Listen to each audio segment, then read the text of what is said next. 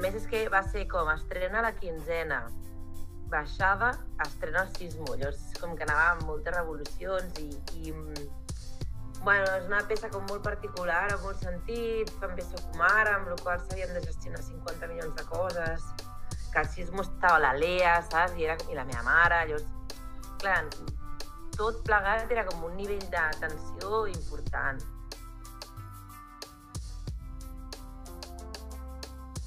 Què significa ser artista d'arts escèniques a Catalunya?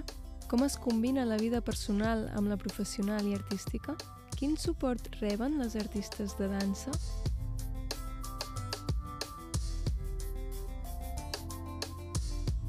Soc la Sucena Moya i avui parlem de dansa.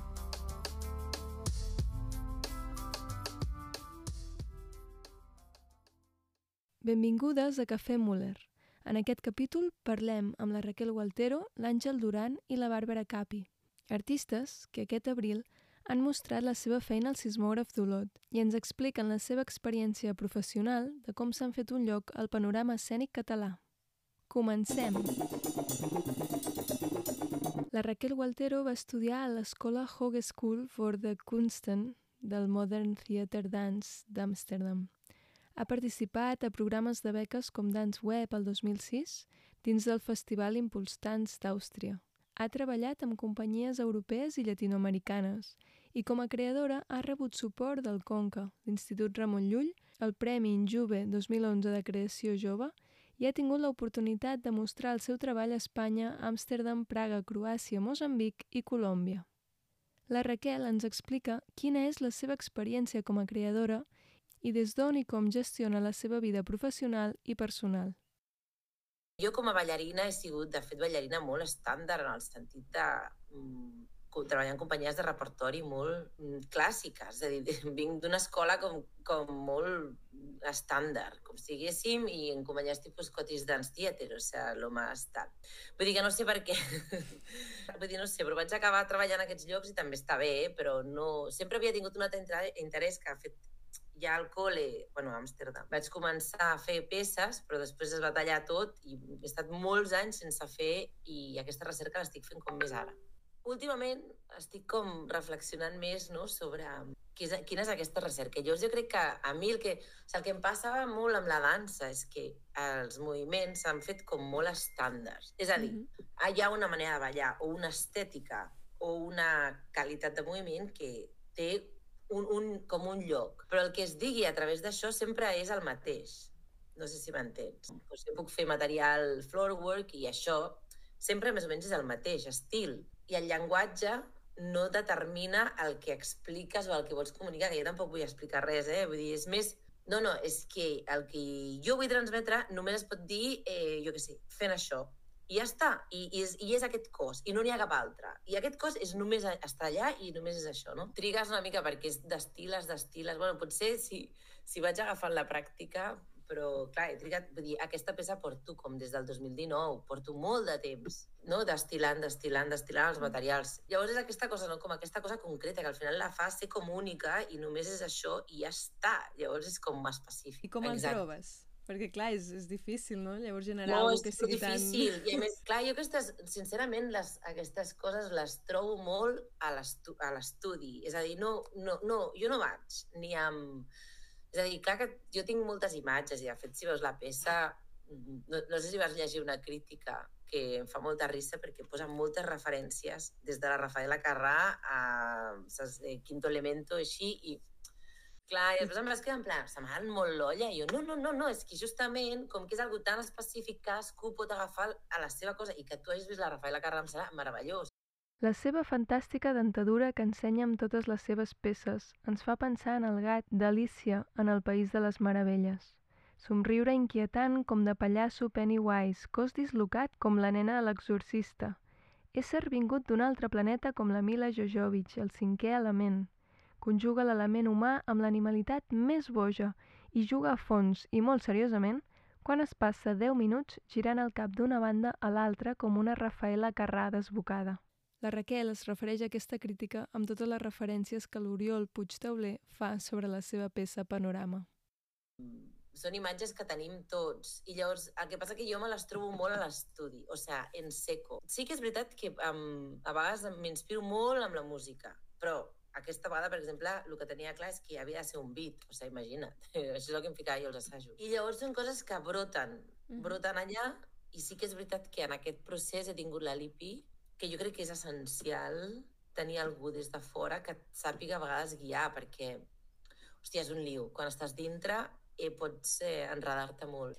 I et poses pautes de moviments o com ho fas com per aquest continu assajar? O deixes que vagi fluint tot més o, o marques o fixes algun moviment? Com estructures una mica la peça durant el procés de creació? Eh, sobre, jo el que vaig fent és com illes de... És a dir, per exemple, trobo una cosa que m'interessa, no? com podria ser aquesta cosa, en, en aquest cas concret, el material del, del cap repetitiu, no? Llavors, i, vale, trobo això. Després, un altre dia vaig trobar la idea del, del, del Gollum, que li diem, que és la postura del revés del personatge aquest, no? Eh, això són coses com molt simples, no? Llavors, el que faig és com que començo a treballar-les independentment, que això a vegades pot ser conflictiu perquè després es lia, que són com trossos molt separats, després com els connectes o com sorgeixen o tot, no? Però de moment ho faig molt així, llavors, vale, ara em poso a treballar aquest material. Ara, llavors, d'allà vaig com agafant, agafant, agafant, agafant. Sí. I, I jo crec que això fa que a vegades que d'insistir tant, els materials acaben tenint molt de pes i molta... Sí, no sé com dir-ho, però com que, que van, es creen al seu lloc i al final acaben sent no importants, no? però tenen la seva presència. Com combines el fet de de ser mare, d'estar en creacions, de ser tu al final qui ets com l'artista creadora, no? que també això implica doncs, gestionar les teves hores de producció, d'oficina, de, de parlar amb aquest, amb aquell, de, no? com tot. Per una banda, doncs clar, eh, hi ha una gestió del temps molt important i, i molt intensa i, i, i dura, perquè és molt cansat, però per altra banda, té alguna molt positiu i és que et fa anar molt més um, a lo que toca. Per tant, hi ha una cosa que trobo que amb la maternitat eh, no tens temps per, per tonteries, ni per cap, saps? Ni per les teves, a nivell de les teves mogudes, ni en general. Vull dir, és com, és esto i ja està, i, i prou. Per tant, jo, la primera fase de Panorama, que es deia Orama, que ho vaig estrenar com l'any passat, tenia a vegades com dos o tres hores d'assajos i ja està, llavors venia la Lea, la teta, no sé què, llavors et fan anar molt més al, al, a, com es diu ara, no? a ser molt més clara amb el que vols. Llavors, com que per una banda he anat molt cansada, per altra banda crec que no hauria sortit panorama si jo no hagués sigut mare, perquè mm, hi ha alguna de la peça a nivell de concretació que m'interessava molt, amb una recerca que estic fent jo, sobre, bueno, que, que, que, sobre la fisicalitat que m'interessa, que mm, potser hauria trigat molt més a arribar a llocs on vaig arribar perquè no tenia temps. I quina és aquesta recerca? de la fisicalitat que busques? Ve de peces pues... anteriors, com Brut o Blanc o així, o és una altra línia? Això ve del 2019 amb Amaro. Uh. -huh. Vale? Llavors, això és una peça que vaig fer que a vegades la realitat de la nostra vida com a creadors és que el temps que pots tenir per crear peces és molt poc. I en aquest cas, jo crec que vaig fer, vaig tenir com un, dos mesos perquè Hiroshima em va donar la possibilitat d'estrenar, però al final tenia sala d'assaig a partir. No sé, bueno, total.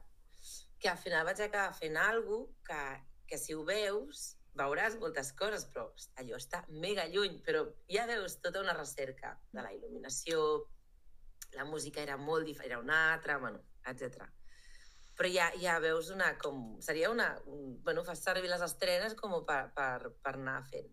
Això és el 2019. Llavors, jo tenia clar que per mi jo no s'havia acabat ni de conya. De fet, era com, bueno, és que ens hem quedat uh, ni a la meitat. O sigui, hem arribat a un terç del que jo volia arribar. Llavors, va entrar la pandèmia, -huh. el 2020, i em vaig quedar embarassada, també, tota la vegada. Llavors, bueno, jo tenia una data a l'antic teatre que l'antic em coproduïa, em donava una mica de diners, la SEMO, per, per acabar de fer la peça. I això s'havia de fer el 2020, ¿vale? Però clar, i el 2020, entre la pandèmia i l'embaràs, que es cancela tot, I llavors ho posposem al 2021, que això va ser l'any passat, al juny del 2021. Llavors, clar, quan em poso a assajar, jo no sé, no tenia res, o sigui, jo no podia agafar aquells materials o, bueno, supercrítica amb, amb tot, no tenia sentit. I, i mal, o sigui, estava com... no sabia què fer. Llavors, eh, la Lipi va venir un dia d'assaig, en plan, què tal? I jo en plan, o sigui, és que no tengo nada, saps? En plan, mal, o sigui, muy mal. I clar, en el fons teníem una data a l'antic i, bueno, era una mica estressant, però bueno.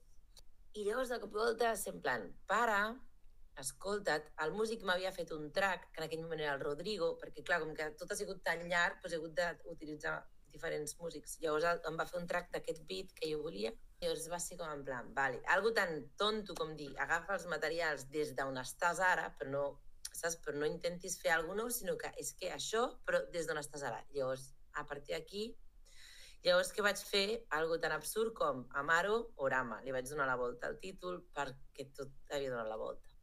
I vam tenir la sort que l'Àngels va venir a veure el bolo i llavors va dir, va, Raquel, et dono una mica de, més de diners i acabes la peça. I la Tena també va dir, vinga, va, mm-hmm. t'ajudo. I, I llavors, bueno, després l'Òscar de la Caldera, que també m'ajuda molt, i llavors una mica hem acabat d'encaixar aquestes peces i llavors d'orama hem anat panorama.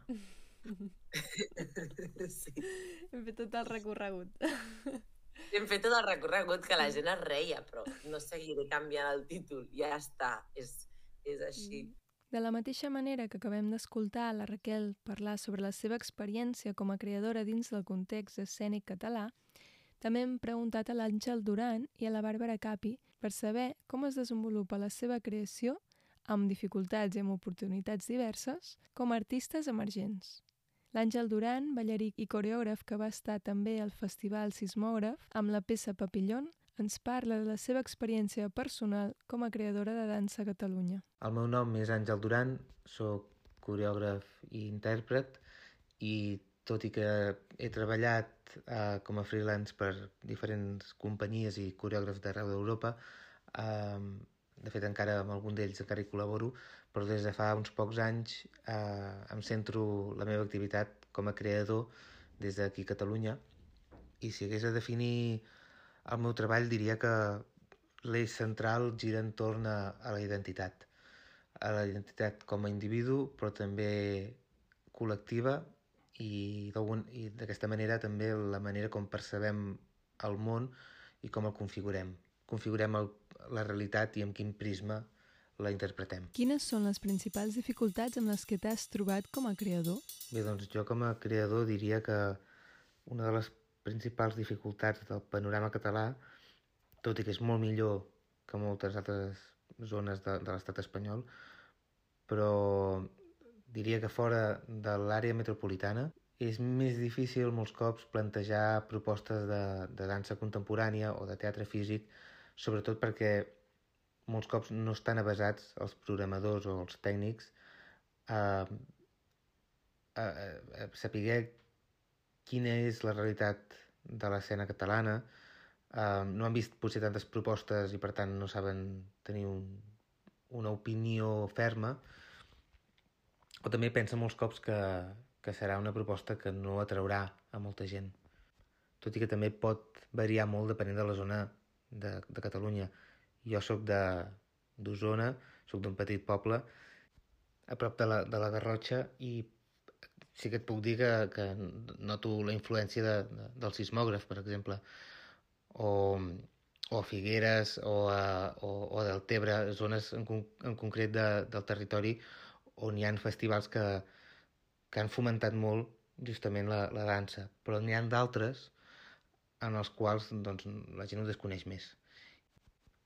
I en aquest sentit, jo tinc una opinió que, que és que, per una banda, estaria molt bé que des de govern es pogués potenciar i fer arribar la dansa arreu de, del territori, um, també obrint les portes de, de molts ajuntaments a, a, a oferir programació de, de dansa, però també al mateix temps crec que és una oportunitat per nosaltres de, de teixir complicitats amb, amb, la, amb la societat i, i, i d'alguna manera obrir portes a, a entendre i a, i a compartir propostes basades en el, en el, en el moviment. A banda d'això, també una altra dificultat i és ben sabuda, és el tema legislatiu i laboral espanyol. Molts de nosaltres hem tingut que començar segurament eh, sent partíceps de, de cooperatives i llavors molts ens hem acabat fent autònoms per poder doncs, compaginar feines i,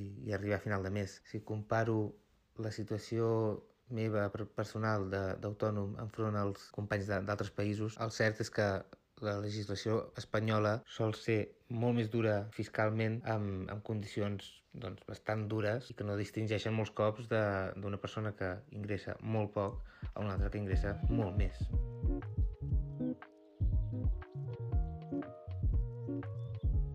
A continuació, escoltem a la Bàrbara. Ella és creadora i directora de la companyia Mètrica Bàrbara, que van presentar la peça De una en una al sismògraf d'Olot.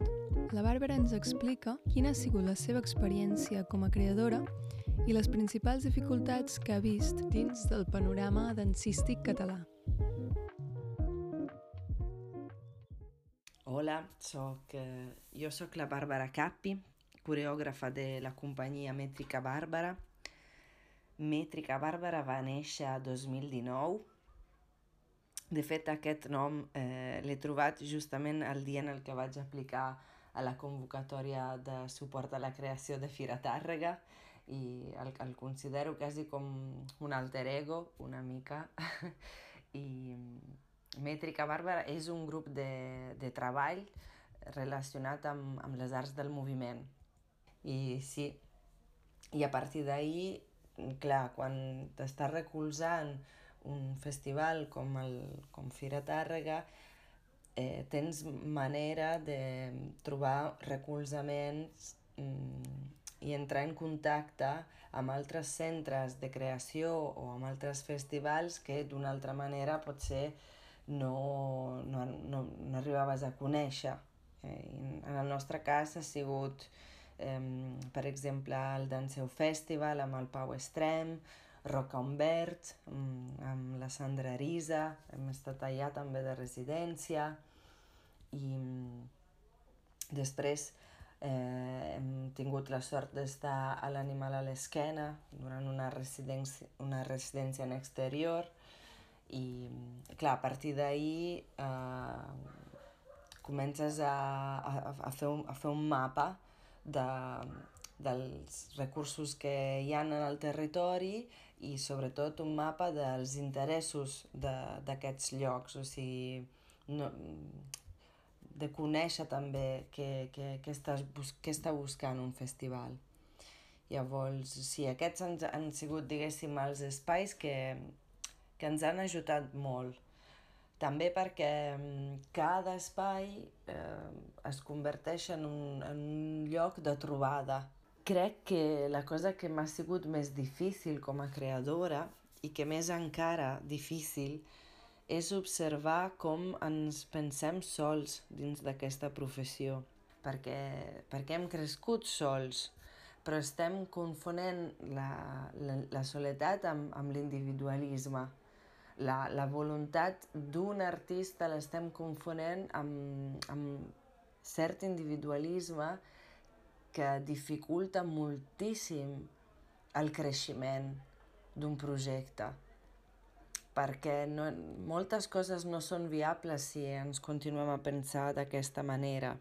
Necessitem espai compartits, necessitem destinar temps a les coses i, clar, un projecte compartit necessita de molt de temps, necessita ser cuidat i necessita de responsabilitat i compromís.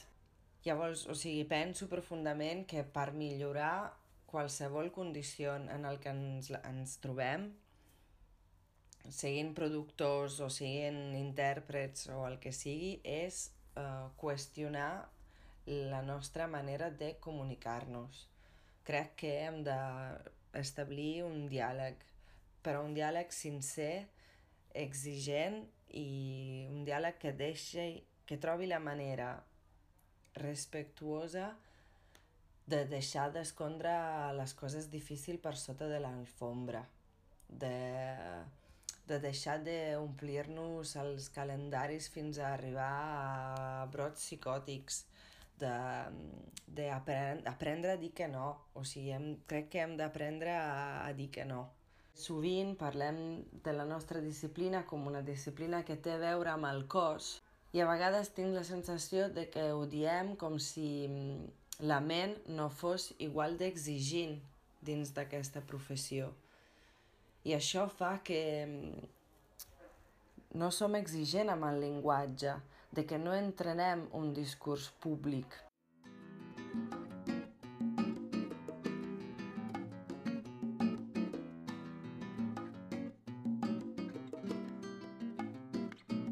I ara comença el radar de dansa.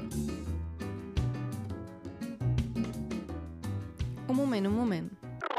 Malauradament, el radar de dansa d'aquest mes és gairebé buit. Què ha passat amb la programació de juny a les comarques gironines? Només trobem al municipal de Girona l'UA, d'Ancorae Danza, dins del marc del Festival Flamenc Girona. Aquesta peça la podreu veure dissabte 11 de juny a les 8 allunyant-nos una mica dels principals espais més institucionals, sí que trobem alguna coseta. El dissabte 4 de juny a Camallera, la nau Coclea organitza una caminata botànica amb una intervenció de moviment i poesia per la companyia Regulars. Aquesta activitat és gratuïta i és a les 6 de la tarda.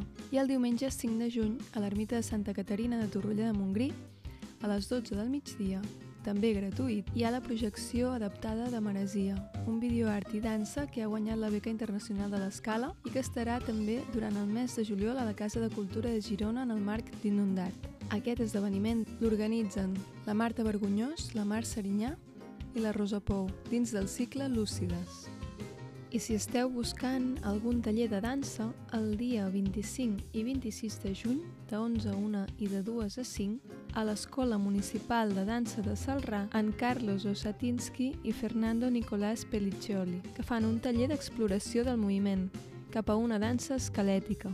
Carlos i Fernando són ballarins contemporanis, performers, coreògrafs, exploradors i facilitadors del moviment. I fins aquí el capítol de maig.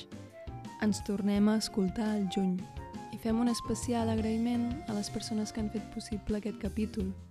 Les artistes Raquel Gualtero, Àngel Duran i Bàrbara Capi, a la Maria Zamora pel disseny gràfic, a Gitart per la producció del podcast i l'Aran Pou per la veu.